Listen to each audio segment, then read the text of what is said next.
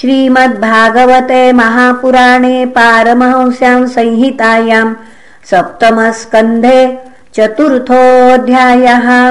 ॐ श्रीपरमात्मने नमः। नारद उवाच एवं वृतः शतधृतिर्हिरण्यकशिपोरथ प्रादात्तत्तपसा प्रीतो वरांस्तस्य सुदुर्लभान् ब्रह्मोवाच ताते मे दुर्लभाः पुंसाम् यान् वृणीशेवरान् मम। तथापि वितराम्यङ्ग। वरान् यदपि दुर्लभान्। ततो जगाम भगवानमोघानुग्रहो विभुः पूजितो सुरवर्येण सूयमानः प्रजेश्वरैः। एवं लब्धवरो दैत्यो बिभ्रद्धे ममयं वपुः। भगवत्यकरोद्वेषम् भ्रातुर्वधमनुस्मरन्। स विजित्य दिशः सर्वा लोकांश्चत्रीन्महासुरः देवासुरमनुष्येन्द्रान् गन्धर्वगरुडोरगान् सिद्धचारणविद्याध्रान् ऋषीन् पितृपतीन् मनून् यक्षरक्षः पिशाचेशान् प्रेतभूतपतीनथो सर्वसत्त्वपतीन् जित्वा वशमानीय विश्वजित् जहारलोकपालानाम् स्थानानि सह तेजसाम् देवोद्यानश्रियाजुष्ट मध्यास्ते स्म त्रिविष्टपम् महेन्द्रभवनम् साक्षान्निर्मितम् विश्वकर्मणा त्रैलोक्यलक्ष्म्यायतनमध्युवासाखिलर्धिमत् यत्र विद्रुमसोपाना महामारकता भुवः यत्र स्फटिककुड्यानि पुनः यत्र स्फाटिककुड्यानि वैदुर्यस्तम्भपङ्क्तयः यत्र चित्रवितानानि पद्मरागासनानि च पयः फेन निभाशय्या मुक्तादामपरिच्छदाः। कूजद्भिर्नूपुरैर्देव्य शब्दयन्त इतस्ततः रत्नस्थलीषु पश्यन्ति। सुदती सुन्दरम् मुखम्। तस्मिन् महेन्द्रभवने महाबलो महामनानिर्जितलोक एकराट् रेमेऽभिवन्द्याङ्घ्रियुग सुरादिभिः प्रतापितैरूर्जितचण्डशासनः तमङ्गमत्तम् मधुनोरुगन्धिना विवृत्तताम्राक्षमशेषधिष्ण्यपाः उपासतोपायनपाणिभिर्विना त्रिभिस्तपो योगबलौजसाम्पदम् जगुर्महेन्द्रासन मोजसा स्थितम् विश्वावसुस्तुम्बुरुरस्मदादयः। गन्धर्वसिद्धा ऋषयोस्तु वन्मुहुर्विद्याधरा। अप्सरसश्च पाण्डव। स एव वर्णाश्रमिभिः क्रतुभिर्भूरि दक्षिणैः युज्यमानो हविर्भागानग्रहीत्।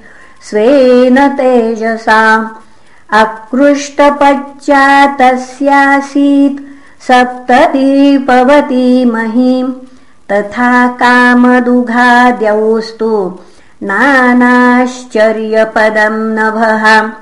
रत्नाकराश्च रत्नौघांस्तत्पत्न्यश्चोहुरुर्मिभिः क्षारसीधुघृतक्षौद्र दधि क्षीरामृतोदकाः शैलाद्रोणीभिराक्रीडम् सर्वरतुषु गुणान्द्रुमाः दधारलोकपालानामेक एव पृथग् गुणान्।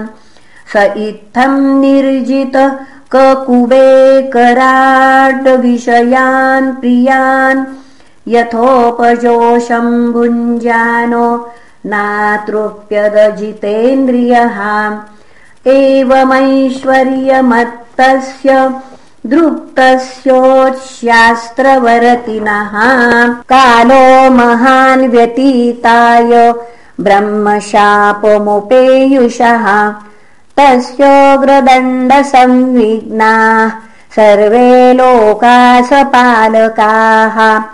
अन्यत्रालब्धशरणा शरणम् ययुरच्युतम् तस्यै नमोऽसु काष्ठायै यत्रात्मा हरिरीश्वरः यद्गत्वा न निवर्तन्ते शान्ता सन्न्यासिनो मलाः। इति ते संयतात्मान समाहितधियो मलाः। उपतस्तुर्षिकेशम् विनिद्रावायुभोजनाः तेषामाविरद्भूद्वाणी अरूपा मेघनिस्वना सन्नादयन्ति ककुभ साधूनामभयङ्करी मा भैष्टविबुधश्रेष्ठाः सर्वेषाम् भद्रमस्तु वः मद्दर्शनम् हि भूतानाम् सर्वश्रेयोपपत्तये ज्ञातमेतस्य दौरात्म्यम् दैतेयापसदस्य च। तस्य शान्तिम् करिष्यामि कालम् यावत् प्रतीक्षतो। यदा देवेषु वेदेषु गोषु विप्रेषु साधुषु धर्मे मयि च विद्वेष स वा आशु विनश्यति निर्वैराय प्रशान्ताय स्वसुताय महात्मने प्रह्लादाय यदा दुह्येद्भुनिष्येऽपि वरोर्जितम् पुनः प्रह्लादाय यदा द्रुह्येद्धुनेष्येऽपि वरोर्जितम् नारद उवाच इत्युक्त्वा लोकगुरुणा तम् प्रणम्य दिवौकसः न्यवर्तन्त गतोद्वेगा मे निरे चासुरम् हतम्। तस्य दैत्यपतेः पुत्राश्चत्वार परमाद्भुताः। प्रह्लादो भून्महंस्तेषाम् गुणैर्महदुपासकः ब्रह्मण्यशीलसम्पन्न सत्यसन्धो जितेन्द्रियः आत्मवत् सर्वभूतानामेक प्रियसुरुत्तमः दासवत्सन्नया पुनः दासवत्सन्नतार्याङ्घ्रि पितृवद्दीनवत्सलः भ्रातृर्वत्सदृशे स्निग्धो गुरुष्वीश्वरभावनः। विद्यार्थरूपजन्माढ्यो मानस्तम्भविवर्जितः। नोद्विग्नचित्तो व्यसनेषु निःस्पृह।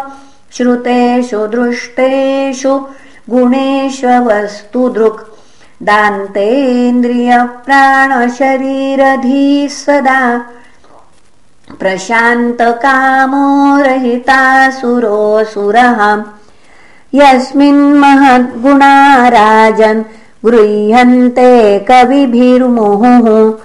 न तेऽधुनापि धीयन्ते यथा भगवतीश्वरे। यम् साधुगाथा सदसि रिपवोऽपि सुरा नृप प्रतिमानम् प्रकुर्वन्ति किमुतान्ये भवादृशाः गुणैरलमसङ्ख्येयैर्माहात्म्यम् तस्य सूच्यते। वासुदेवे भगवति यस्य नैसर्गिकी रतिः। न्यस्तक्रीडनको बालो जडवत्तन्मनस्तयाम् कृष्णग्रहगृहीतात्मा न वेद जगदीदृशम्। आसीनः पर्यटन्नश्नन् शयानः प्रपिबन् ब्रुवन् नानुसन्धत्त एतानि गोविन्दपरिरम्भितः। क्वचिद्रुतदति वैकुण्ठचिन्ताशबलचेतनः क्वचिद्धसति तच्चिन्ताह्राद उद्गायति क्वचित्। नदति क्वचिदुत्कण्ठो विलज्जो नृत्यति क्वचित्। क्वचित्तभावनायुक्तस्तन्मनोऽनुचकारः क्वचिद्पुलकस्तूष्णीमास्ते संस्पर्शनिवृतः अस्पन्दप्रणयानन्दसलिलामीलिते क्षणः।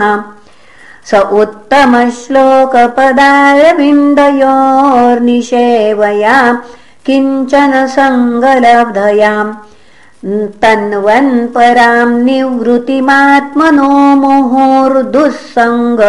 दीनान्यमनशमम् व्यधात् तस्मिन् महाभागवते महाभागे महात्मनि हिरण्यकशिपुराजन्नकरोदघमात्मजे।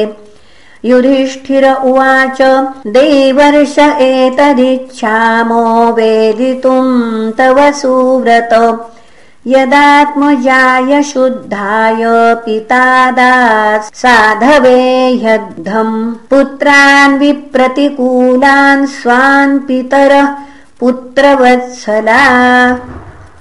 उपालभन्ते शिक्षार्थम् नैव नै पुनः नैवाघमपरो यथा।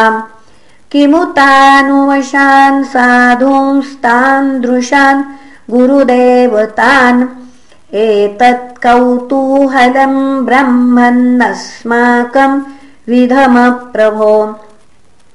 पितुः पुत्राय यद्वेषो मरणाय प्रयोजितः। इति श्रीमद्भागवते महापुराणे पारमहंस्याम् संहितायाम् सप्तमस्कन्धे प्रह्लादचरिते चतुर्थोऽध्यायः श्रीकृष्णार्पणमस्तु